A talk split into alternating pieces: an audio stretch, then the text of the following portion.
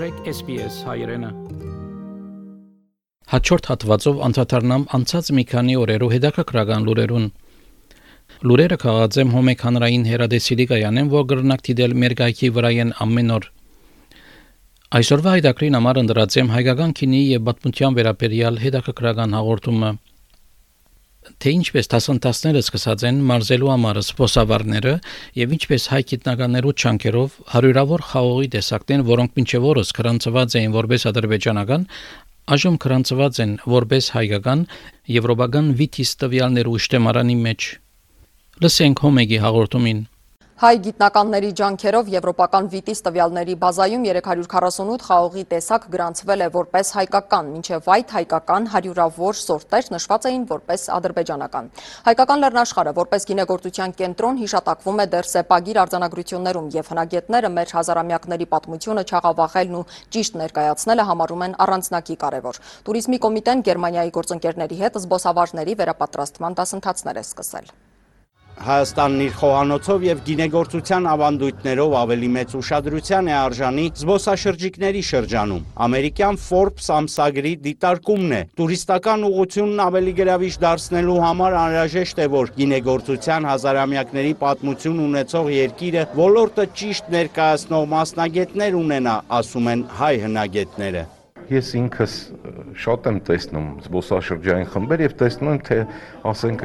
գիդ էքսկուրսավարները ինչ են պատմում,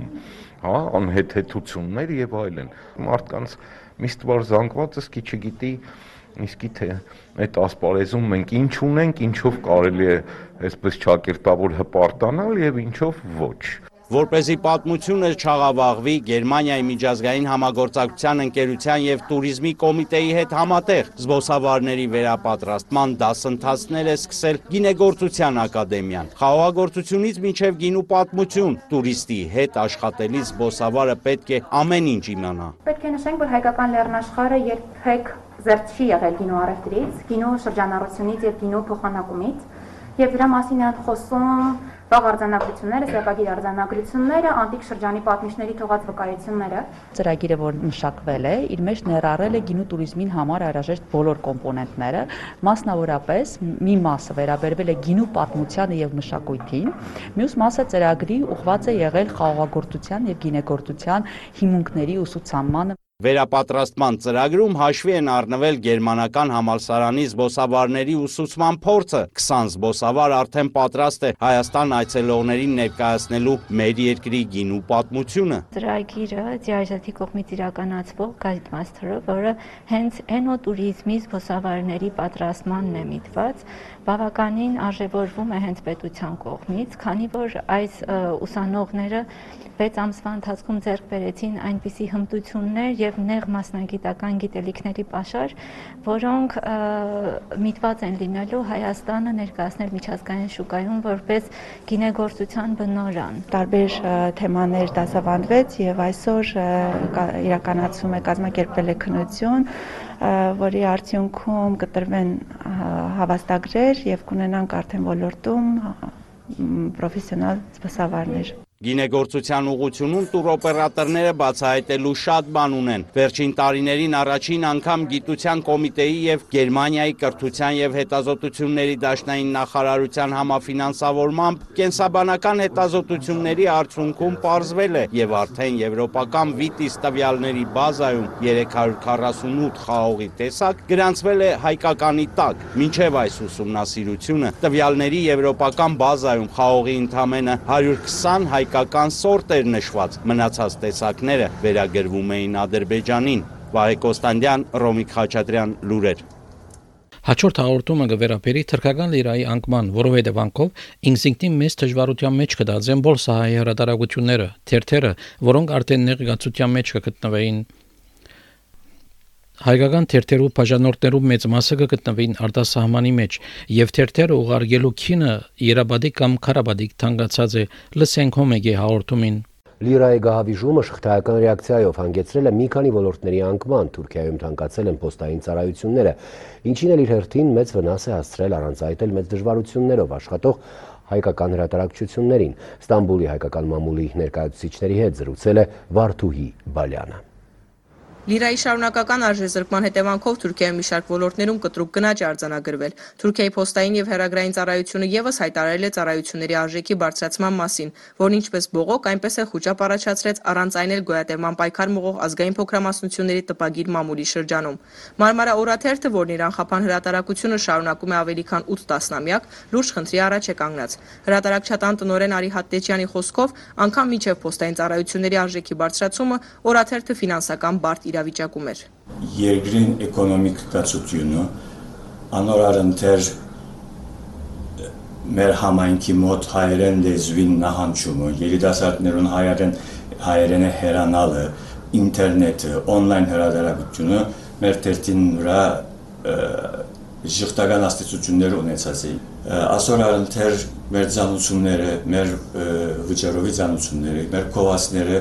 բավական նվազացին։ Հատեջյանը նշում է, որ կորոնավիրուսի համավարակի պայմաններում իրավիճակն ավելի է բարդացել, սակայն շարունակում են իրենց աշխատանքը պահպանելով լավատեսությունը։ Օրասական պայմաններով հետ կպայքարենք, բայց հույսով ենք, գիտենք, որ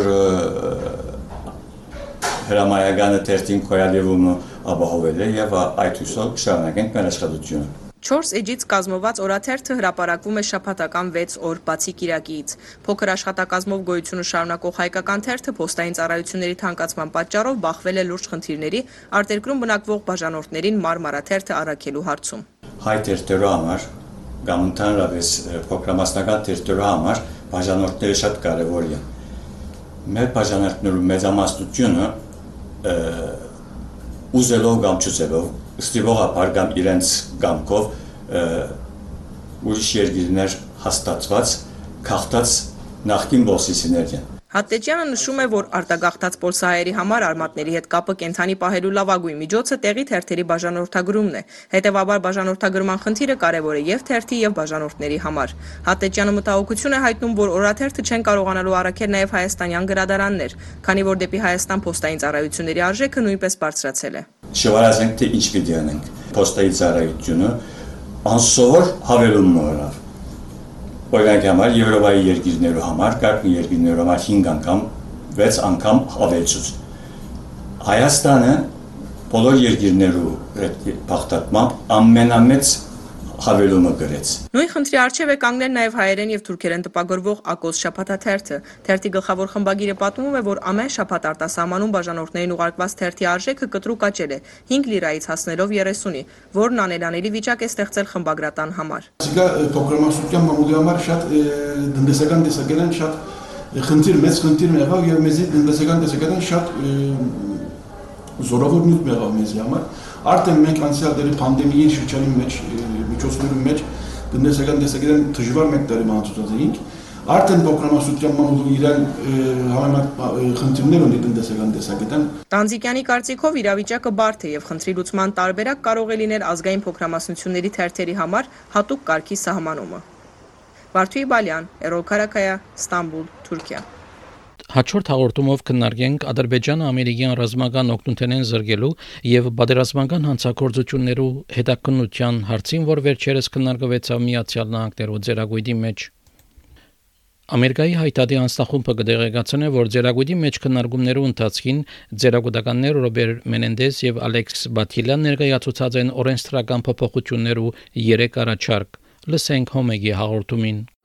Միջազգային կառույցներ եւ Ամերիկայի Միացյալ Նահանգների որոշ սենատորներ արդեն պարզաբանում են պահանջել 44-օրյա պատերազմում Արցախի դեմ կիրառված սպիտակ ֆոսֆորի եւ արգելված զենքերի կապակցությամբ պահանջելով ռազմական օգնությունից զրկել Ադրբեջանին։ Իսկ այդ երկիրը հերթական անհիման մեղադրանքներն է հնչեցրել հայերի հասցեին։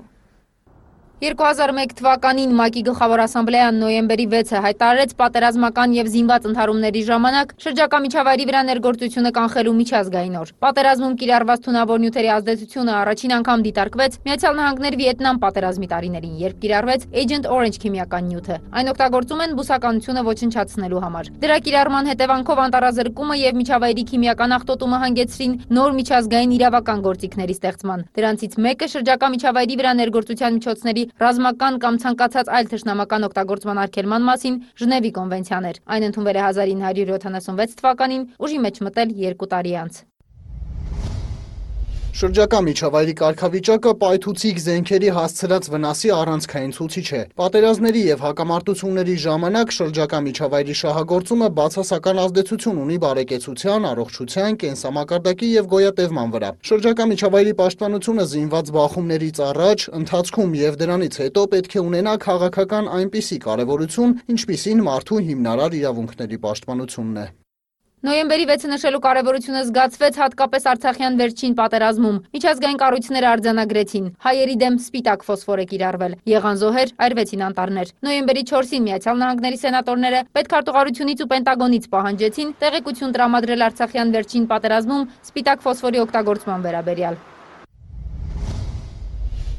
Ամերիկացի սենատորներ Ռոբերտ Մենենդեսը եւ Ալեքս Պադիլան Միացյալ Նահանգների ազգային պաշտպանության արտոնությունների ակտի օրենսդրական փոփոխություններ են ներկայացրել։ Դրանք պահանջում են Միացյալ Նահանգների պետքարտուղարությունից եւ պաշտպանության նախարարությունից տեղեկություն տրամադրել Արցախյան վերջին պատերազմում թուրքական բայրակթար ԱԹՍ-ներում ամերիկյան տեխնոլոգիաների կիրառման մասին, նաեւ պատրաստել համատեղ զեկույց պատերազմի ժամանակ Ադրբեջանի ռազմական հանցագործությունների, այդ թվում սպիտակ ֆոսֆորի, կասետային ռումբերի եւ այլ արգելված զինատեսակների կիրառման, նաև օտարերկրյա վարձկանների օգտագործման վերաբերյալ։ Քանի դեռ երբ գերտերության օրենսդիր մարմնում քննարկում են նշված հանցագործությունների պատճառով Ադրբեջանին նաև ռազմական օգնությունից զրկելու հարցը, այդ երկրի մարդու իրավունքների պաշտպանը նույն մեղադրանքն է ներկայացնում հայերի դեմ։ Սաբինե Ալիևան զինված ընդհարումների ժամանակ շրջակա միջավայրի վրա ներգործությունը կանխելու միջազգային օրվա կապակցությամբ դիմել է միջազգային կառույցներին, հայտարարելով, թե իբր հայերը պատերազմի ժամանակ վերջին 30 տարում վնասել են Ադրբեջանի բնությունը։ Իդեպ ոչ Թուրքիան, ոչ Ադրբեջանը շրջակա միջավայրի վրա ներգործության միջոցների ռազմական կամ ցանկացած այլ թշնամական օգտագործման արգելման մասին կոնվենցիայի կողմ չեն։ Թուրքիան կոնվենցիան ստորագրել է 1977-ին, սակայն չի վավերացրել։ Ադրբեջանը միանալու մտադրություն կարծես թե չունի։ Այս օրերին Շոտլանդիայում անցկացվում է կլիմայի փոփոխության COP26 միջազգային ամենամեծ համաժողովը։ Նոյեմբերի 6-ը հռչակված է բնության օր։ Համաժողովին մասնակցում է մոտ 100 երկրի եւ միջազգային կազմակերպության առաջնորդ։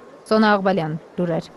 Հաջորդ հաղորդումի նյութն է մարդու իրավունքներով Եվրոպական թադարանի հրապարակումը 2014-ին Ադրբեջանի մեջքերի ինգած եւ խոշտանկված Դավուշի մարզի վերին Գարմրախբյուր քյուղի բնագիչ Մամիգոն Խոջոյանի եւ Չինարի քյուղի բնագիչ Գարեն Բեդրոսյանի կորձերով վճիրները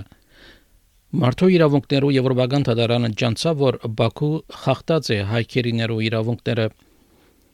Մարդու իրավունքներու Եվրոպական դատարանը վճռած է, որ Բաքու յուրաքանչյուր կորձով պետք է վճարի 40 հազարական եվրո։ Լսենք Հոմեգի հաղորդումին։ Բաքուն խախտել է հայ գերիների կյանքի իրավունքը մարդու իրավունքների եվրոպական դատարանը հրապարակել է 2014 թվականին Ադրբեջանում գերեվարված եւ խոշտանգված Տավուշի մարզի վերին Կարմիր աղբյուր գյուղի բնակիչ Մամիկոն Խոջոյանի եւ Չինարի գյուղի բնակիչ Կարեն Պետրոսյանի գործերով վճիրները։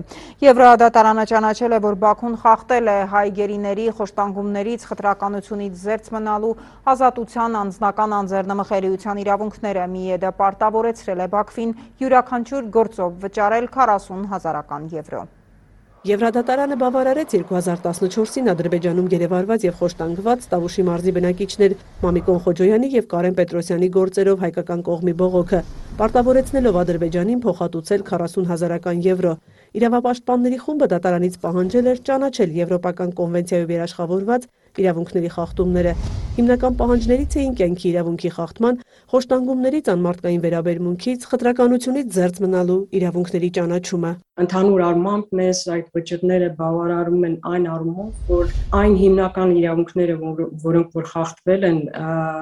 Մամիկոն Խոջոյանի եւ Կարեն Պետրոսյանի գործերով, դրանք ուրեմն կյանքի իրավունքն է եւ խոշտանգումներից զերծ մնալու իրավունքը դրանք ճանաչվել են դատարանի կողմից։ Միեդը որոշումները կայացնելիս հիմնվել է հայկական կողմի ներկայացրած փաստական ապացույցների դատաբժշկական եզրակացությունների վրա։ Դրանք վկայել են, որ Խոջոյանն ու Պետրոսյանը Ադրբեջանում ենթարկվել են խոշտանգումների։ Վերին Կարմիր աղբյուրի բնակիչ Մամիկոն Խոջոյանը գերեվարվել էր 2014-ի հունվարին։ Բաքուն ծերունուն ներկայացրել էր որպես դիվերսանտ մարտին վերադարձրել հայկական կողմին։ Մեկուկես ամիս անց նա մահացել էր։ Պատճառը օրգանիզմի ընդհանուր ինտոքսիկացիան էր։ Ադրբեջանում ազատազրկման մեջ նա ստացել էր հրազենային վիրավորում։ Նրան նաև ներարկել էին սոլյարայուղ եւ հոգեմետ դեղեր։ Բոլոր հոդվածներով չի որ եվրոպական դատանը խախտում արձանագրել է, մասնավորապես Խոջյանի գործով համարել է, որ անձնական ազատության անձեռնմխելիության իրավունքի մասով եւ անձնական կյանքի արգանք իրավունքի մասով բաց է թողնվել 6 ամսյա ժամկետը, պետք է այն մեկնարկեր տեսանյութը հրապարակելու պահից, ադրբեջանական կողմի տեսանյութը հրապարակելու պահից, մյուս դեպքերով ըստ էության արձանագրել է խախտում։ Խոջյանի պարագայում նաև կարևոր են հանգամանքը, որ Հայաստանին վերադարձվելուց հետո վրա հասած մահը վերագրվել է Ադրբեջանի պետությանը։ Կարեն Պետրոսյանը գերեվարվել էր 2014-ի օգոստոսի 7-ին։ Մեկ օր անց Բաքուն հայտարարել էր, թե նա մահացել է սրտի կաթվածից։ Հոկտեմբերին վերադարձրել էր նրա խոշտանգված մարմինը։ Իրավաբանները ներկայացրել էին այսպես ասած իսական սպանության գլխատման փաստը։ Որոշումների հիմքում ընկած է 2010-ին Ադրբեջանում սպանված Մավես Արիբեկյանի գործով 2020-ի հունվարին մի հետ կայացրած վճիռը, որի իրավական գնահատականները դարձել են ընդհանրական նաև այս վճիռների համար։ Սա միայն իմ կամ մեր թիմի հաղթանակը չի, թիմում է նաև Վահե Գրիգորյանը, Քրիստինե Գևորքյանը, Լարիսա Ալավերդյանը։ Սա նաև հաղթանակ է մեր դատաբժշկական փորձագետների, դատախազության, իրավապահ մարմինների, ովքեր աշխատել են այս ուղությամբ, նաև Հայաստանի Եվրոպական դատանում ներկա չի եւ իր անձնակազմի։ Սա ընդհանուր ձեռքբերում է։ Վճիրները մանրամասն ուսումնասիրելուց հետո միայն հայկական կողմը կորոշի գանգատ ներկայացնել մեծ պալատ, թե ոչ։ Վճռի կատարման ժամկետ չկա, Արտակ Զեյնալյանի խոսքով իրենք հետևողական են լինելու, որ Ադրբեջանը կատարի դրանք։ Մայա Խաչատրյան, Հովանես Քյուրքչյան, լուրեր։ Լսեցինք հաղորդումներ քաղված անցած մի քանի օրերու Հոմեկ հանրային հերադեսիլի լուրերեն։ Հոմեկ Հայաստանի հանրային հերադեսիլի լուրերը գրնակ դիտել մեր գայքեն sbs.com.au քծիկ Armenian կամ SBS on demand գայքեն։ Իսկ շաբաթը մեկ հոմեգի լուրերը գրնակ դիտել SBS-ի Viceland հերադեսիլի գայանեն ուրբադորերը եսօրի առաջ ժամը 10:30-ին։ Կուզես լսել նման բանություններ Ունգընտրե Apple Podcast-ի, Google Podcast-ի, Spotify-ի վրա, կամ որտեղեն որ podcast-ը կլսես։